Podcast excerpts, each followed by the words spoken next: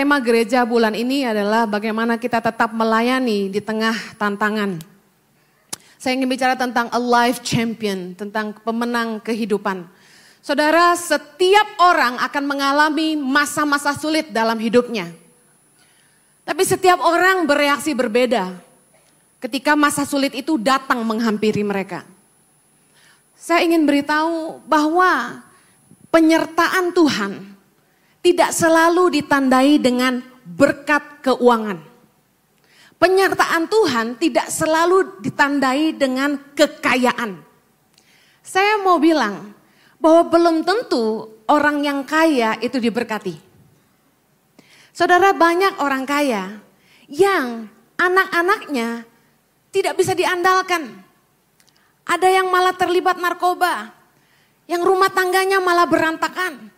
Tapi ada orang yang tidak kaya, tapi anak-anaknya lulus sekolah semua jadi sarjana semua, jadi dokter semua. Nah Anda mau bilang penyertaan Tuhan adalah kekayaan. Saya sudah lihat sendiri, kekayaan bukan salah satu tanda aja. Tetapi berkat Tuhan akan menyertai orang yang berkenan kepada Tuhan. Sekalipun kita harus melewati masa-masa sulit dalam hidup kita. Melewati tantangan-tantangan, saya mau bilang ini. Selalu ada penyertaan Tuhan Ketika kita bisa tetap bersuka cita di tengah tekanan. Ketika kita tetap bisa menjaga damai sejahtera di tengah-tengah masalah. Saudara, hidup melayani Tuhan itu tidak mudah.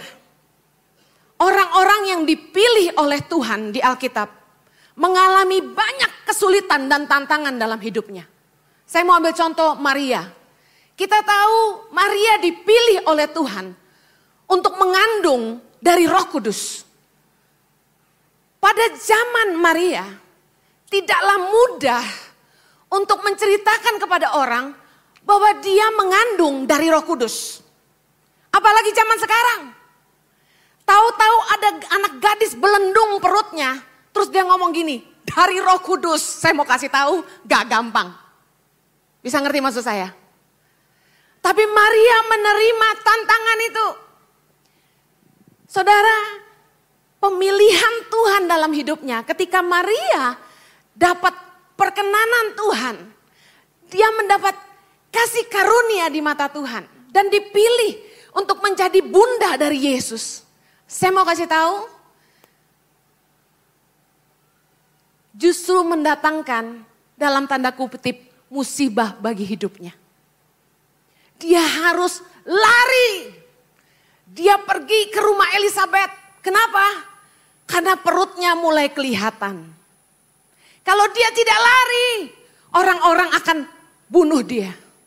Kemudian saudara tahu kalau saudara pernah ke Israel, Maria duduk di atas uh, onta atau kuda, dia duduk dengan perut besar, jalan di padang gurun berhari-hari lamanya untuk cari tempat lari. Gak mudah. Dia lewati kesulitan. Kadang-kadang orang-orang yang dipilih Tuhan justru menghadapi masa-masa sulit karena ketaatannya. Yang kedua Yusuf, orang yang dipilih Tuhan. Yusuf nggak pernah hidup gampang saudara. Kalau saudara tahu firman Tuhan, Yusuf dari masa remajanya hidup susah terus. Dibenci saudara-saudaranya, dibuang ke sumur, dijual jadi budak orang, dan gak cukup sampai situ. Sudah jadi pembantu di rumah orang. Ketemu bos yang genit. Difitnah. Masuk penjara. Gak selesai sampai di situ. Dia dilupakan sama temannya. Hidup Yusuf gak pernah enak. Tapi itulah cara Tuhan untuk membawa Yusuf kepada rencananya yang sempurna. Kalau mau jadi penguasa atas Mesir dengan jalan biasa-biasa, Yusuf harus jadi S1, S2, S3, S4, S teler. Tapi jalan Tuhan lewat bawah tanah, Yesus Yusuf langsung dibawa keluar jadi penguasa atas Mesir. Mungkin ada di sini teman-teman yang ngalamin hal yang sama. Katanya ikut Tuhan diberkati. Tapi kok justru masalah demi masalah. Saya mau bilang gini, bersyukurlah. Karena tanda-tanda orang yang dipilih Tuhan hidupnya tidak mudah. Katakan amin. Kita ini nggak boleh jadi Kristen gampangan yang imannya murahan. Yang kalau AC kurang dingin, kursi kurang enak nggak mau ke gereja. Parkir susah udah nggak jadi ke gereja. Dengar baik. Orang Kristen tidak boleh takut susah. Orang Kristen tidak boleh takut tantangan. Untuk apa kita punya iman kalau kita takut sama tantangan? Saya mau kasih tahu, justru masa sulit datang untuk membuktikan dia hidup dan dia berkarya dalam hidup kita. Katakan amin. Bagaimana Anda mau mengalami mujizat kalau Anda tidak mau menghadapi masalah? Dengar baik. Di saat ekonomi sedang lemah, jual rumah nggak laku-laku, jual tanah sulit, bisnis sepi, cash flow macet. Dengar, Waktunya Anda mencari Tuhan. Waktunya Anda mengalami Tuhan. Kadang-kadang ketika semua baik-baik aja, berkat lancar-lancar aja, kita mulai keenakan dan lupa diri. Saya kasih contoh. Restoran yang laku keras, customernya banyak sampai ngantri. Itu biasanya mulai belagu. Ngerti belagu? Taruh makanan udah gak sopan. Plak, plak, plak, plak, plak. Karena rame. Begitu orang makan buru-buru diusir, nggak boleh ngobrol. Diambil piring kotornya cepet-cepet, terus dikasih tagihannya suruh bayar, itu ngusir secara halus. Dia nggak pusing. Kenapa? Restorannya rame. Biasanya orang kalau hidupnya sudah diberkati luar biasa, mulai merasa nyaman dan mengandalkan diri sendiri. Tapi liatin restoran yang sepi. Restoran yang sepi itu yang punya tuh gini. Ayo kita berdoa sebelum kita buka. Gitu. Ayo perbaiki customer service kita. Mungkin kita kurang ramah sama customer. Mungkin kurang hot penyambutannya. Ayo mungkin kita harus kasih bersih dikit restoran kita. Kita harus hias-hias dikit. Biasanya masa sulit membuat kita lebih kreatif. Kita mulai mikir, Gimana caranya bikin produk baru supaya orang mau tetap beli? Bagaimana caranya supaya packagingnya lebih bagus? Bagaimana mikirin desain yang lebih kreatif yang anak muda zaman sekarang suka? Oke kalau buka toko, toko udah gak laku. Jalan apa yang lebih gampang? Oh zaman sekarang jualan, jualan online. Orang mulai kreatif. Justru di masa-masa sulit adalah waktunya kita bebenah diri kita introspeksi diri. Dan kita mulai lakukan apa yang seharusnya kita lakukan. Yaitu satu, mengandalkan Tuhan. Katakan amin. Saudara, firman Tuhan berkata hidup adalah sebuah perlombaan. Dalam 1 Timotius 6 ayat yang ke-12 dikatakan gini. Bertandinglah dalam pertandingan iman yang benar. Dan rebutlah hidup yang kekal untuk itulah engkau telah dipanggil dan telah engkau ikrarkan ikrar yang benar di depan banyak saksi. Hidup ini adalah pertandingan iman. Mari bertandinglah dengan benar. Yang mau katakan amin.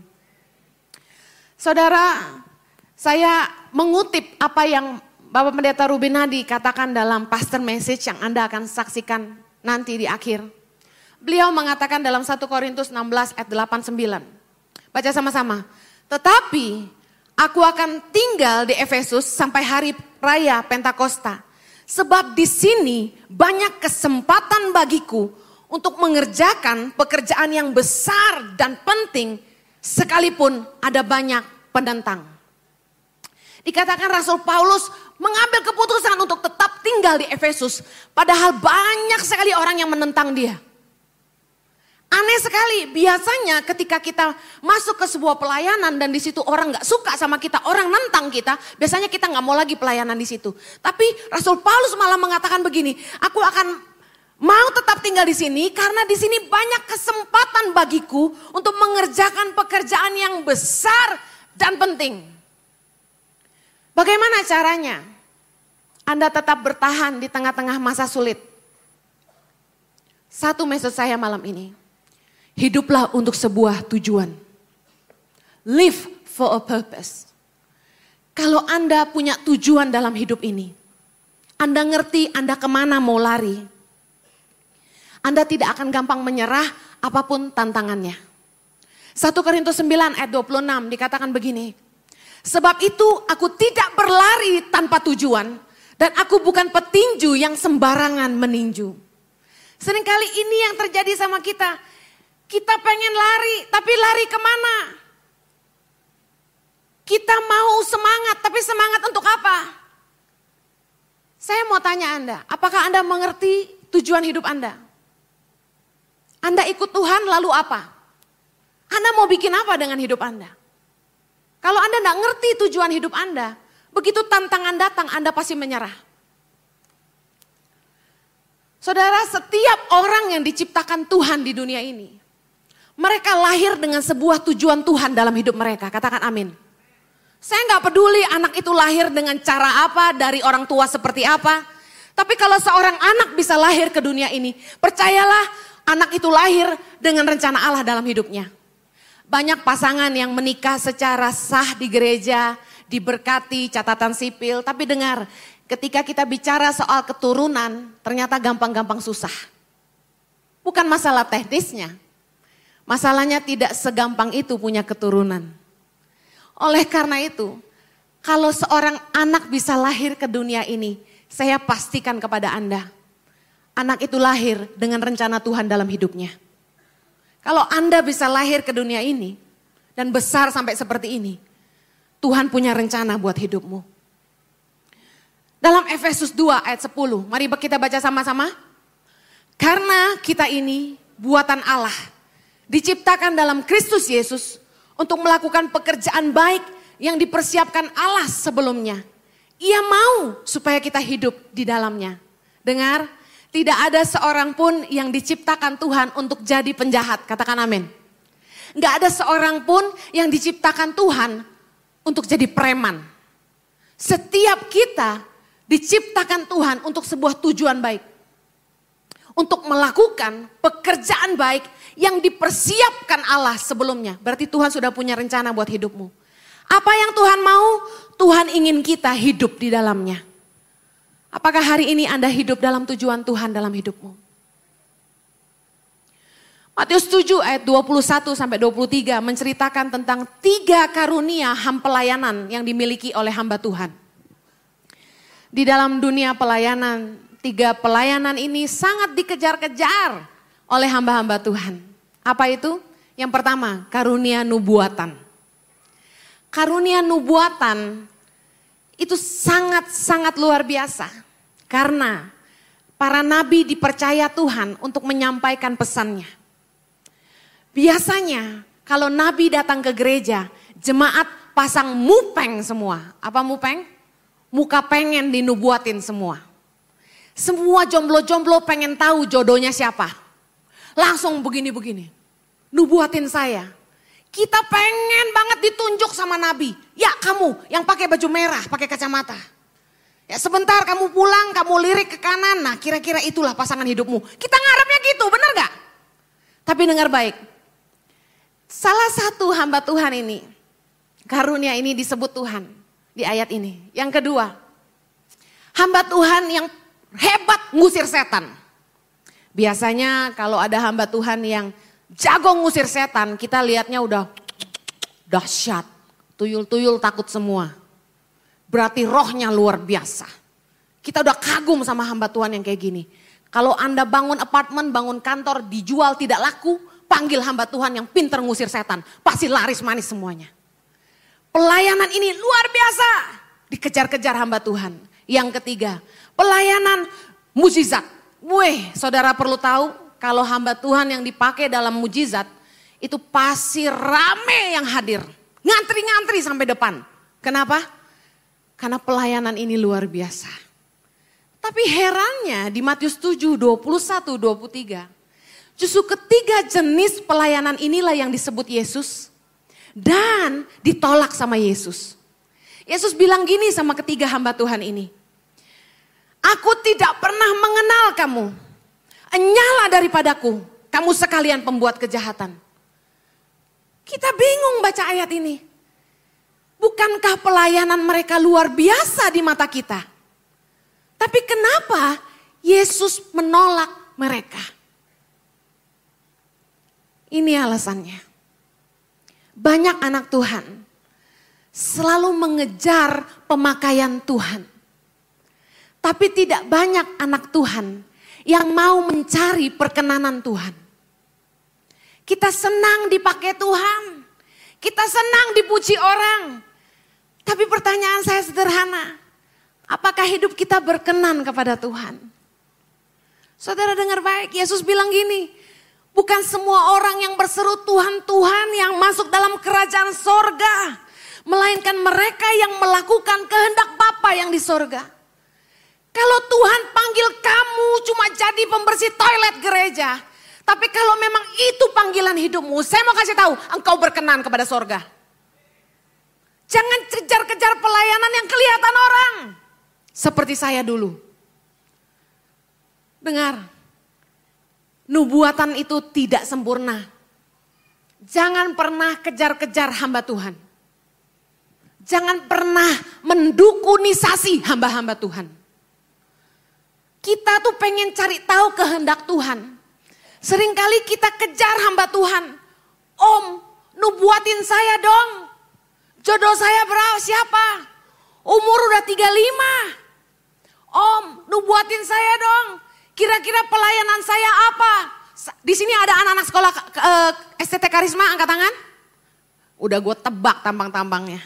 Dengar, pasti kalian semua punya mimpi. Pengen dipakai seperti Bapak Pendeta Rubin Adi Abraham. Haleluya.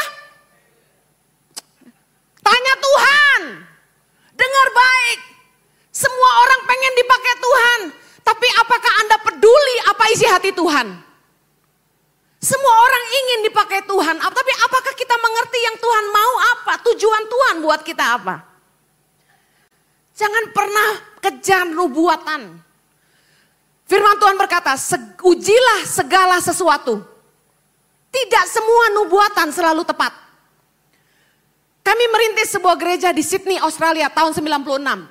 Jemaatnya mulai dari 22 menjadi 1500. Hamba-hamba Tuhan besar datang ke gereja kami. 15 di antaranya nabi-nabi. Saudara, 10 dari 15 nabi yang ke gereja kami nubuatin saya. Saya heran kenapa wajah saya mengundang nubuatan. Saya sampai ngumpet di belakang drum. Tapi ada aja yang tunjuk saya dan bilang gini, hey you, the lady behind the drum. Kenapa saya takut dinubuatkan? Karena nubuatannya sama terus. Apa itu? God wants you to go to Bible college. The Lord wants you to go for full-time ministry. Terus ada lagi. God will put a new song in your mouth. And you will bring the new song to the people of the Lord. Ngerti gak artinya? Tuhan panggil saya untuk pelayanan sepenuh waktu jadi hamba Tuhan. Jadi saya harus sekolah Alkitab. Dan Tuhan akan memakai saya untuk menulis lagu. Ceritanya gitu. Saudara, dari 15 hamba Tuhan 10 ngomong kayak gitu. Saya sampai teng teng teng teng teng teng. Kenapa? Karena saya dari dulu nggak mau jadi pendeta. Kenapa? Jadi pendeta di mata saya waktu itu kayaknya kasihan, kere. Mesti ngandelin belas kasihan jemaat. Iya kalau jemaatnya baik kayak saudara, Pak Rubin enak. Kalau yang pelit-pelit, menderita you know. Pakai tas mahal dikit diomongin orang. Padahal dikasih orang. Pakai baju dikit diomongin orang. Tuh pelayanan cuma buat shopping. Suka-suka gua lah. Bener nggak? Sebenarnya sih. Tapi dengar baik. Begitu kere dibilang apa? Kurang berdoa memang. Serba salah. Saya bilang gak mau. Saya mau jadi pengusaha. Tapi alhasil saudara, preman ini dipanggil Tuhan. Jadi hamba Tuhan. Saudara, saya mau buktikan nubuatan itu tidak semuanya tepat. Hari ini saya jadi bukan jadi Heni Simorangkir saudara.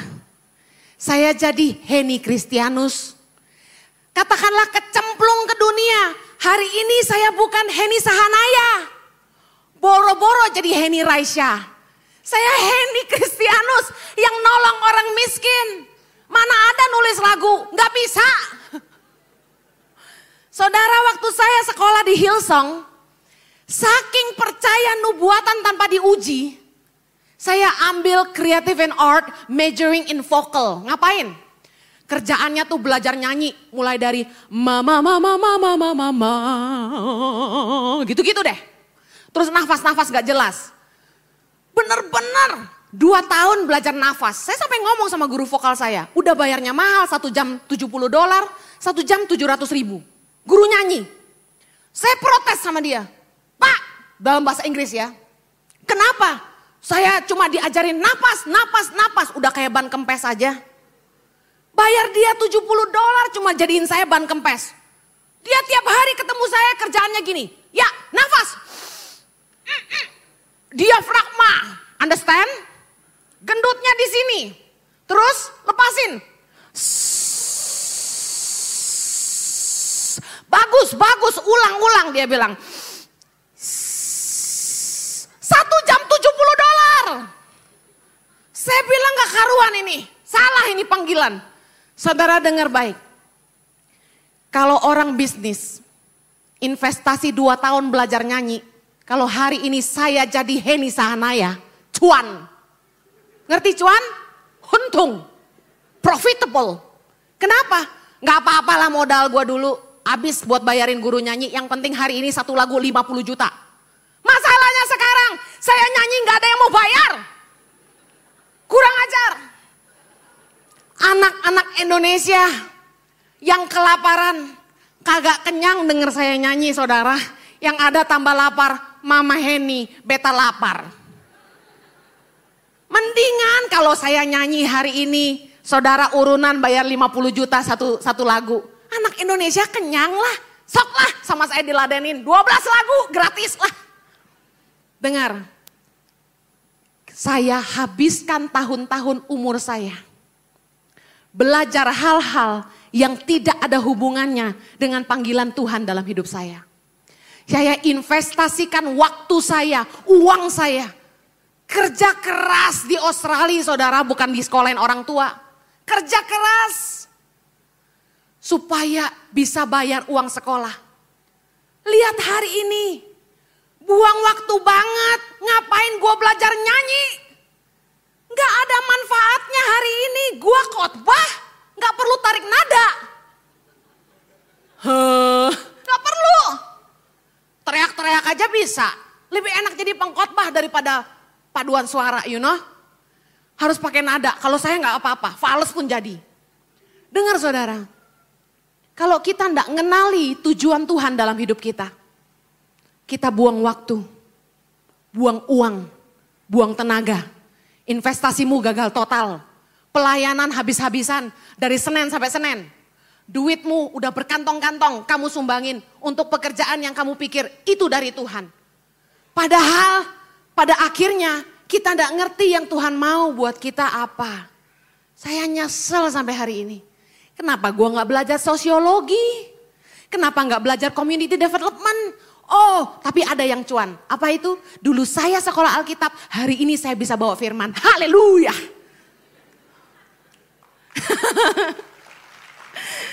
Saudara dengar baik. Ini jawaban dari Matius 7, 21, 23. Mari baca sama-sama. Karena itu, saudara-saudaraku, berusahalah sungguh-sungguh supaya panggilan dan pilihanmu makin teguh. Sebab jikalau kamu melakukannya, kamu tidak akan pernah tersandung. Dengan demikian, kepada kamu akan dikaruniakan hak penuh untuk memasuki kerajaan kekal, yaitu kerajaan Tuhan dan juru selamat kita, Yesus Kristus. Kalau di Matius 7, 21, 23, ketiga hamba Tuhan yang melayani Tuhan dengan dahsyat itu ditolak di pintu surga. Tapi justru ayat ini menjelaskan, kalau kita sungguh-sungguh mengejar panggilan Tuhan dalam hidup kita, kita mendapat perkenanan untuk masuk dalam kerajaan sorga. Katakan amin. Dan lihat baik janji firman Tuhan. Kalau kita berusaha sungguh-sungguh untuk mengejar panggilan dan pilihan kita. Janji firman Tuhan, kita tidak akan pernah tersandung. Apa pun tantangannya dalam pelayananmu. Asalkan engkau tahu itu panggilan Tuhan dalam hidupmu. Kamu tidak akan pernah mundur. Saudara dengar, apakah gampang melayani Tuhan. Saya tidak bermain di dalam lingkup gereja. Saya melayani Tuhan di luar gereja. Anak-anak yang kami layani ada 5.054 anak di 64 titik di seluruh Indonesia hari ini. Pelayanan ini tidak mudah. Masih banyak program-program lain yang Anda lihat di video tadi. Dengar baik. Tantangannya luar biasa. Saya hanya mau cerita sedikit seputar gereja aja. Jangan bicara soal pemerintah dan politik daerah dan sebagainya. Lupakanlah itu. Kita ngomong yang terjadi di antara gereja aja. Dengar. Saya dulu berpikir kalau Tuhan panggil saya dan Jojo untuk misi di Indonesia, pasti gereja-gereja mendukung kami. Betul? Karena ini misi. Tapi dengar baik, saya bikin proyek misi di Mentawai. Saya tawarkan ke gereja di Sumatera Utara. Maukah adopsi proyek kami di Mentawai? Mereka nggak mau. Saya bikin proyek di Halmahera, Maluku Utara. Dan saya tawarkan gereja terbesar di Manado. Gembalanya sampai ikut saya ke sana. Saya bilang, Bu mau nggak ambil alih pelayanan ini? Jadi berkatlah Manado untuk Halmahera Utara. Nggak mau. Saya mulai pusing. Ini gereja pada nggak mau misi semua maunya apa? Belum lagi di lapangan, di desa-desa di Indonesia ternyata gereja tuh ada mafianya. Saya baru tahu kalau di Maluku Utara gereja yang menguasai daerah itu adalah namanya di NTT Timur yang menguasai namanya di Sumba yang menguasai namanya saya baru tahu. Kalau GBI coba-coba masuk ke daerah mereka, awas saja dibakar gerejanya. Saudara ngeri. Nah, waktu kami masuk ke pedalaman NTT di timur tepatnya, timur tengah selatan. Saudara tahu apa yang terjadi? Pimpinan jemaat daerah wilayah itu menuliskan surat kepada semua pendeta di bawahnya. Jangan izinkan jemaat menyekolahkan anak-anaknya di sekolah tangan pengharapan. Kenapa? Nanti mereka dibaptis ulang. Kenapa?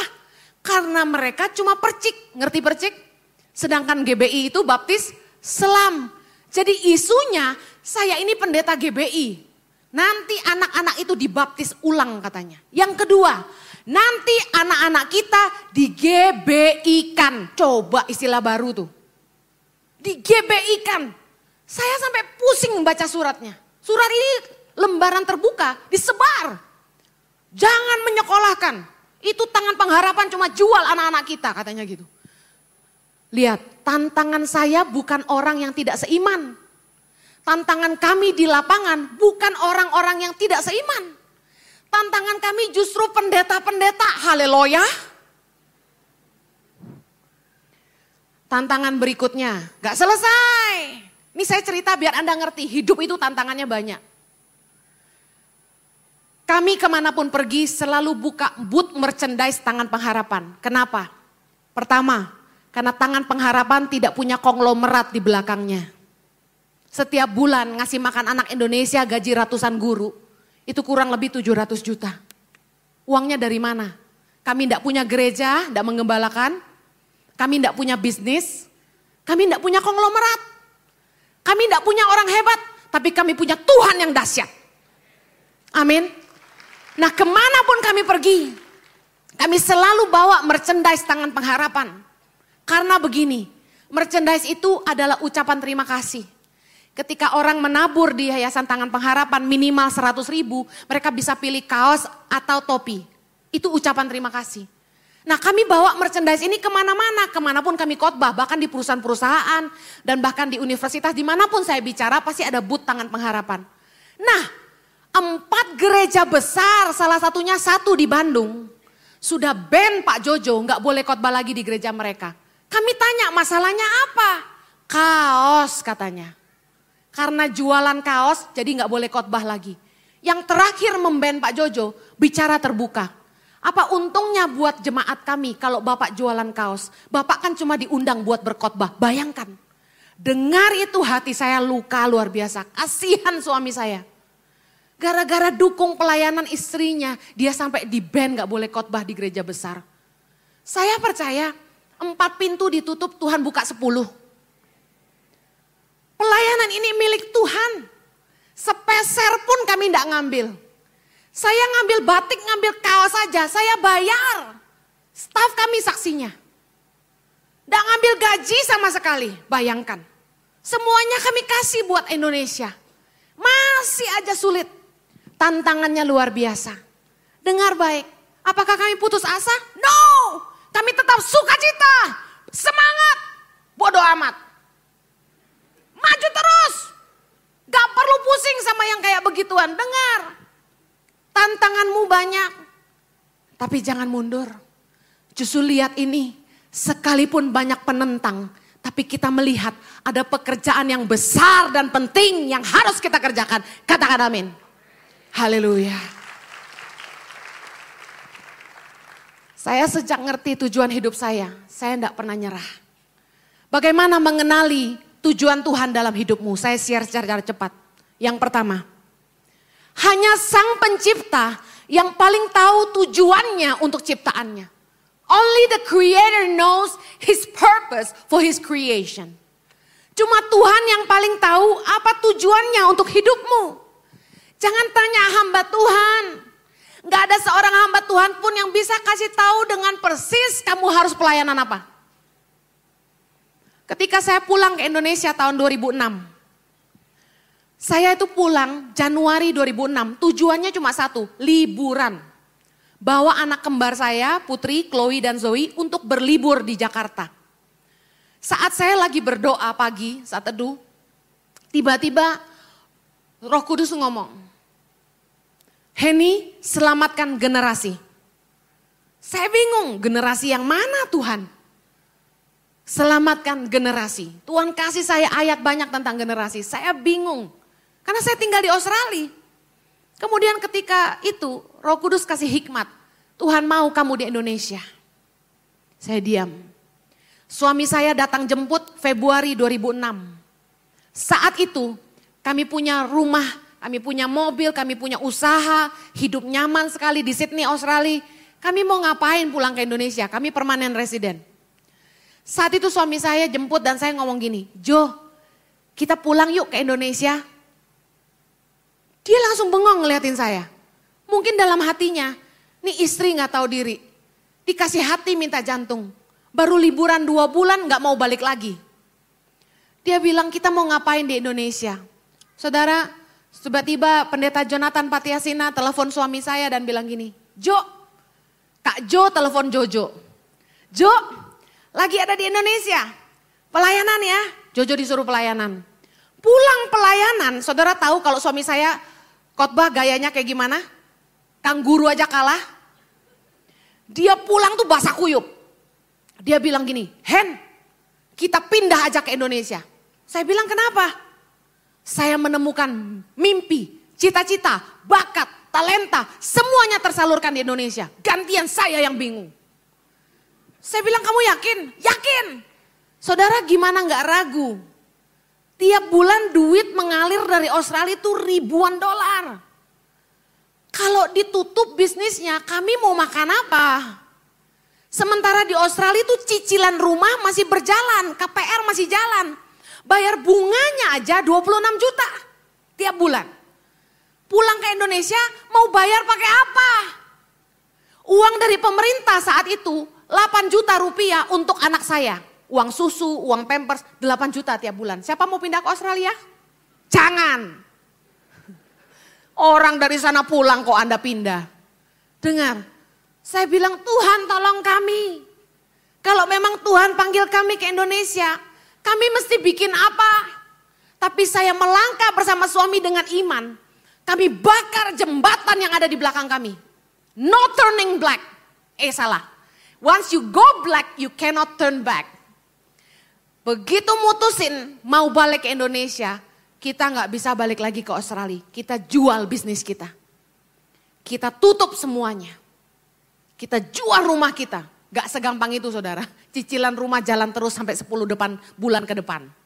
Mobil dijual, semua dijual. Saudara, uangnya gak bisa dibawa pulang. Kenapa? Karena cicilan rumah jalan terus. Duitnya itu buat bayarin cicilan rumah berapa ribu dolar tiap bulan. Sampai rumah itu laku, saya pun sudah mau kaku rasanya. Duit udah habis semua. Dan di Indonesia nggak ada duit. Saudara tahu dong kalau perempuan itu ujung-ujungnya cuma duit. Mau istrimu bahagia, cari duit aja. Serius, perempuan kalau nggak ada duit itu stres. Bener bapak-bapak? Kenapa? Dapur kudu ngebul.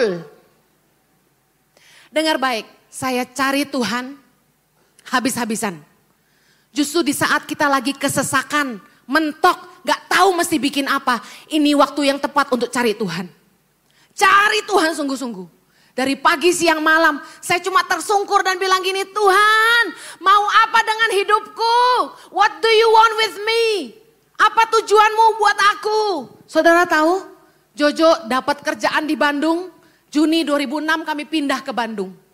Gajinya cuma seperlapan lah dari apa yang kami bisa dapat di sana, kasarnya gitu. Kami pindah ke Bandung, saudara di Bandung saya tambah stres. Kenapa? Gak punya teman, gak punya keluarga, Stres. Saking depresi. Maaf saya ngelantur sendiri, saya bilang gini.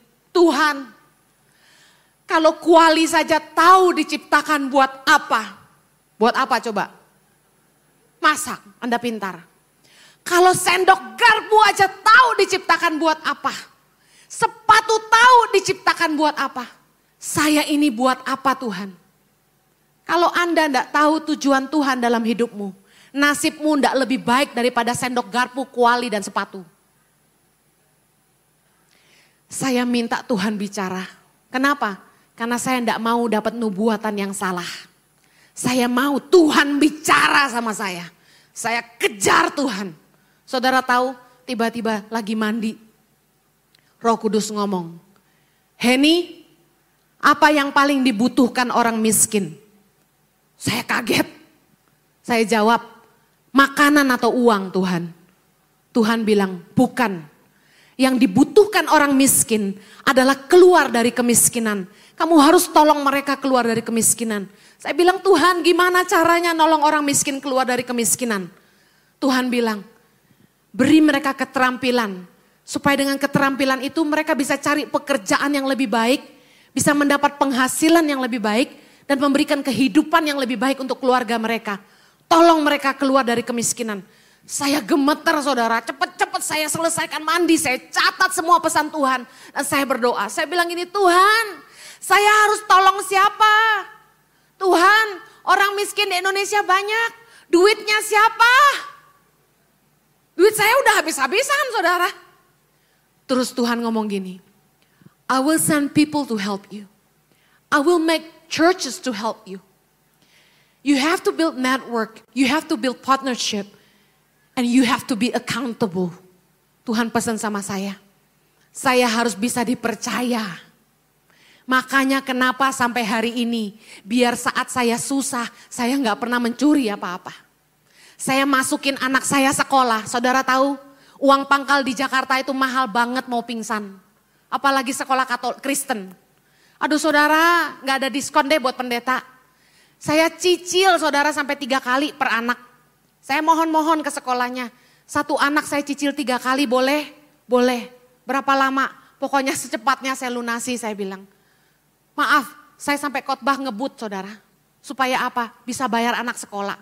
Di tengah kesesakan saya, saya tidak pernah mencuri apa pun dari yayasan. Saya sekolahkan anak-anak pedalaman ini. Mereka butuh apa saya bayar. Mereka ke sekolah dari Kelapa Gading ke Bekasi. Mesti bayar angkot tiga setengah juta. Kami bayar. Tapi giliran anak sendiri mau sekolah. Saya sampai nyicil tiga kali. Bayangin. Dengar saudara. Kami berjuang buat Indonesia. Gak mudah. Udah gitu aja masih banyak orang yang suka ngomong sembarangan. Tapi apa yang membuat saya kuat? Karena dia bicara. Apa yang membuat saya teguh berdiri menghadapi tantangan? Karena saya tahu tujuan hidup saya. Dia bicara.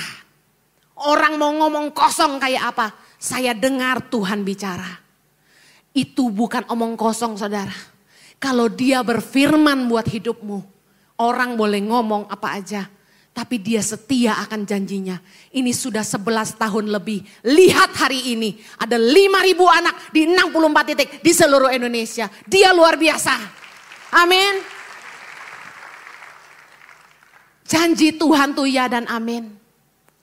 Kalau engkau tidak dengar suara Tuhan, engkau pasti ragu. Menghadapi pernikahan, dengar baik. Cari suara Tuhan. Bu Heni udah mau sicap 40 ini gagal total perjuangannya. Udah hampir nggak laku. Gimana Bu Heni? Jangan menyerah. Berserah. Jangan menyerah tapi berserah. Katakan sama-sama. Jangan menyerah tapi berserah. Beda.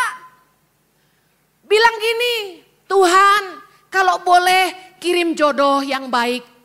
Takut Tuhan, cinta sama saya, setia, tanggung jawab. Kalau ada bonusnya ganteng dan kaya, haleluya. Tapi balik kepada Tuhan.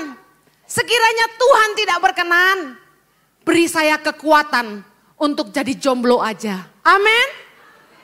Saudara dengar, nikah tuh gak gampang.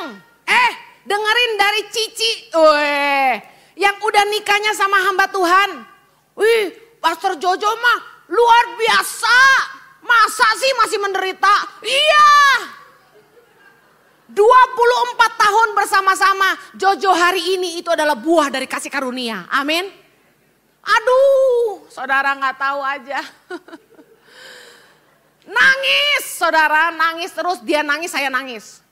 Bisa kelihatan ya dapat istri kayak gini nggak gampang, bener nggak? Sama, dapat suami bagusnya kayak gitu nggak gampang, saudara. Haleluya pokoknya. Saudara dengar baik. Kenapa saya sama Jojo tuh bertahan? Padahal tuh rasanya kadang-kadang gue pulangin lo ke mak lo. Kasarnya gitu ya. Tapi kita kenapa bertahan? Enggak gampang. Tapi karena Tuhan bicara. Waktu saya mau nikah sama Jojo dari umur 17 tahun saya berdoa Tuhan siapa pasangan hidup saya. Tuhan udah ngomong Jojo pasangan hidupmu. Seyakin itu coba. Dan ketika kami menikah saya sempat hampir goyah ketika kami mau nikah. Ada pria lain yang lebih luar biasa lah gitu. Jangan cerita ya. Luar biasa lah pokoknya. Nah saya mulai ragu. Dia atau dia atau dia gitu kan. Saudara tahu tiba-tiba Tuhan bicara. Kalau engkau menikah dengan si A. Engkau bahagia karena dia kaya. Tapi kalau engkau menikah sama Jojo engkau akan menggenapi rencanaku dalam hidupmu. Coba pilih mana? Pilih yang berkenan sama Tuhan lah. Dengar baik, kenapa saya pilih Jojo? Karena mendengar Tuhan. Makanya ketika dalam pernikahan kami ngalami badai topan neraka, saya bertahan. Kenapa? Karena dengar Tuhan.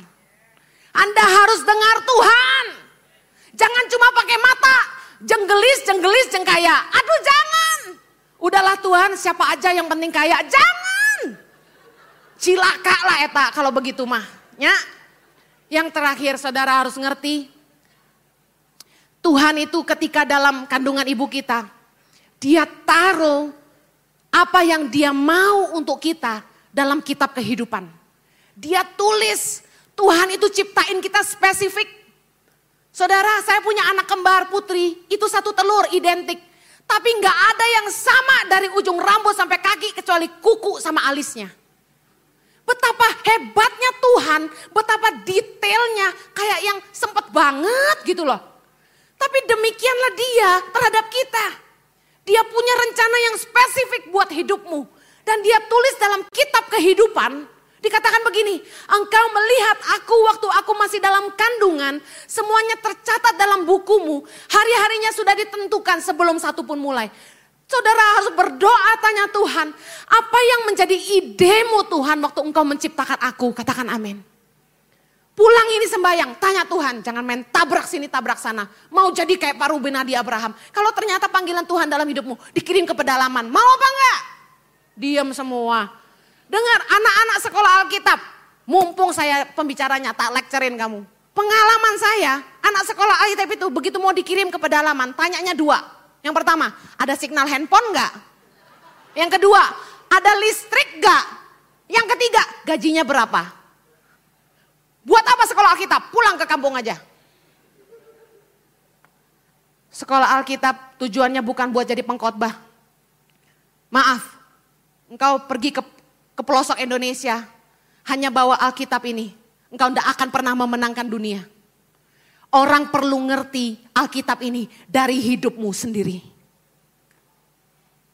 Yang terakhir, Tuhan telah menanam benih dalam hidup kita untuk menghidupi panggilannya. Tuhan gak mungkin lahirkan kita tanpa modal. Kalau dia punya rencana, dia sudah beri benihnya. Apa itu? Yang pertama, ada visi Tuhan dalam hidupmu. Efesus 1 ayat 18. Dan supaya ia menjadikan mata hatimu terang. Agar kamu mengerti pengharapan apa yang terkandung dalam panggilannya.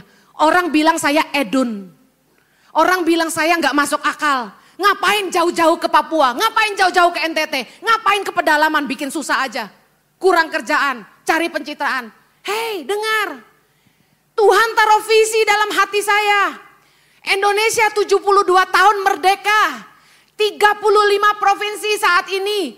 Bayangkan kalau kita bisa menanam benih ilahi buat bangsa ini. Kalau kita punya 35 gubernur yang takut Tuhan dan cinta pada rakyat, tidak lupa dari mana mereka berasal, mereka bangun daerah mereka, maju nggak Indonesia? Itu visi kami. Menyiapkan benih-benih untuk Indonesia. Benih-benih ilahi yang takut akan Tuhan, yang cinta sama rakyat, yang tidak hidup untuk diri sendiri, tapi sungguh-sungguh menjalankan amanahnya untuk mensejahterakan masyarakat dan keadilan sosial bagi seluruh rakyat Indonesia. Amen. Haleluya. Apa bedanya talenta dan panggilan? Talent makes you so good in doing something, but passion, uh, calling makes you passionate in doing it. Apa artinya? Talenta itu bikin engkau hebat dalam melakukan sesuatu, tapi panggilan itu membuat engkau bersemangat melakukannya. Coba foto ini nanti sebentar saya kasih kuesioner ya, siapkan handphonemu. God has given us the seed to live his purpose. Saya buktikan kepada Anda benih itu ada dalam hidupmu. Saudara, Anda kuliah, semua ilmu itu hanya masuk di kepala. Tapi kekreativitasan, ide itu datangnya dari Tuhan. Anda kuliah arsitek, desain, Anda cuma belajar gambarnya. Tapi idemu menciptakan sebuah produk itu dari Tuhan. Saya buktiin. Coba berantem sama istri terus ke kantor. Ada ide baru kah? Kenapa enggak? Karena benih itu Tuhan tanam dalam hatimu. Makanya Tuhan suruh kita jaga hati. Katakan amin. Cepat foto ini. Temukan apa yang Tuhan mau untuk hidupmu. Ada 10 pertanyaan yang saudara perlu isi di kertas nanti pulang. Tuliskan 10 hal terbaik yang Anda dapat lakukan dengan diri Anda. Jangan bilang saya ganteng, gak laku. Yang diakui oleh kebanyakan orang yang mengenal Anda. Uh, multimedia tolong jangan dihapus. Ya, sorry, thank you. Oke, yang ketiga, yang paling Anda nikmati ketika mengerjakannya. Yang keempat, yang mau Anda kerjakan secara sukarela tanpa dibayar. Jangan emosi, tulis yang benar. Yang kelima, kemampuan terbesar yang Anda miliki secara otodidak atau alami. Oke, yang berikutnya, foto ini, apa visi Anda kalau nggak ngerti visi, bagaimana Anda melihat diri Anda 5 sampai 10 tahun dari hari ini? Ketujuh, siapa idola Anda dalam karir dan pelayanan? Kedelapan, sebutkan satu hal tentang diri Anda secara spontan.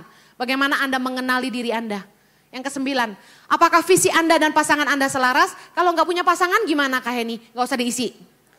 Sepuluh, anda mau menghabiskan sisa hidup Anda dalam pekerjaan atau pelayanan apa? Bayangkan dirimu tua renta masih sedang mengerjakan apa?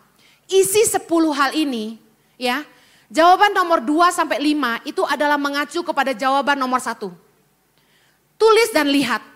Hal yang muncul terus-menerus itu adalah kemungkinan besar potensimu yang sesungguhnya dan passionmu yang sesungguhnya. Nah saya tutup dengan kesaksian saya. Saya berdoa, Tuhan Bagaimana saya tahu benih yang Tuhan tanam dalam hidup saya? Bagaimana saya bisa mengenali bahwa potensi saya adalah nolong orang miskin? Dengar, latar belakang saya sekolah teologi ya. S2 saya konseling. Gak ada hubungan sama kemiskinan. Tapi bagaimana saya bisa mengerjakan ini untuk Indonesia? Ini benih yang Tuhan tanam dalam hati. Tandanya ini, dari kecil Tuhan sudah persiapkan. Tuhan ingatkan saya ketika saya umur 6 tahun. Kami sekeluarga sedang makan di meja makan, pakai piring keramik. Saya bilang sama mama saya, Mah, aku makan di dapur sama mbak ya. Oke katanya, saya ke dapur. Saudara tahu pembantu rumah tangga biasanya makannya duduk di lantai ya. Terus pakai piring kaleng. Lagi enak-enak makan pakai sambal cobek. Tahu kan sambal itu dicobekkan? Enak banget pokoknya ya. Udah lapar belum? Nah, terus kita ngobrol. Mbak, opo kok mbak tadi pembantu? Mbaknya bilang gini, soalnya mbok yo pembantu non. Oh, lah apa kok mbok tadi pembantu mbak? Soalnya eyangnya yo pembantu non. Bisa ngerti nggak? Kenapa jadi pembantu? Mamanya pembantu. Kenapa mamanya jadi pembantu? Eyangnya pembantu. Saya dari kecil tuh sudah sensitif dengan kemiskinan. Kenapa orang muter-muter dalam lingkaran kemiskinan tanpa henti? Generasi demi generasi. Tuhan ingatkan saya betapa saya peduli itu. Yang kedua, ketika di Australia, teman-teman ngalamin krisis, orang tua nggak kirim uang lagi untuk kuliah karena kris mohon tahun 98. Saya itu kerja. Nah uang saya, saya sisihkan untuk masak untuk teman-teman. Jadi saya masak yang banyak dan teman-teman yang nggak punya uang jajan saya suruh ke rumah dan makan di rumah saya. Ada kekuatan yang Tuhan berikan, saya sendiri pas-pasan, tapi saya mau berbagi dengan orang. Nah yang luar biasa lagi adalah gini, Ketika saya disuruh Tuhan mengerjakan ini, saudara tahu saya tiba-tiba jadi ahli bangunan. Saya desain bangun sekolah, rumah sehat yang saudara lihat yang kami sudah bangun 80 unit itu. Saya yang desain, bayangin, gak sekolah arsitek. Kemudian mobile klinik yang saudara tadi lihat masuk ke sungai itu, itu saya yang bikin. Saya gambar, saya pesan di karoseri, jadilah saya bikin itu dari Mitsubishi 125 PS. Bayangin, Gak ngerti mesin, gak ngerti apa-apa. Tapi Tuhan taruh hikmat sedemikian rupa. Saya desain bangunan sekolah yang efektif, rumah belajar. Dari budget miliatan untuk bangun sekolah, saya bisa kecilin jadi cuma 300 juta. Saya gambar sendiri, saya atur sendiri. Kemudian mulai dari brosur yayasan sampai website semua. Desain-desain kaos, tulisan inspiratif, model-model batik. Semua saya tuangkan ke staff saya. Ayo bikin ini, ayo bikin ini, ayo bikin ini. Semuanya saya arahkan. Jadi Tuhan tuh luar biasa. Ada ilmu yang Tuhan tanam dalam hati kita. Saya selesai pesan saya, pulang ini. Cari Tuhan sungguh-sungguh, katakan amin. Justru saat engkau sudah mentok, banyak tantangan. Cari dia dan dengar suaranya. Lakukan dan temukan tujuan Tuhan dalam hidupmu. Saya jamin Anda tidak akan pernah menyerah. Katakan amin. Mari berdoa.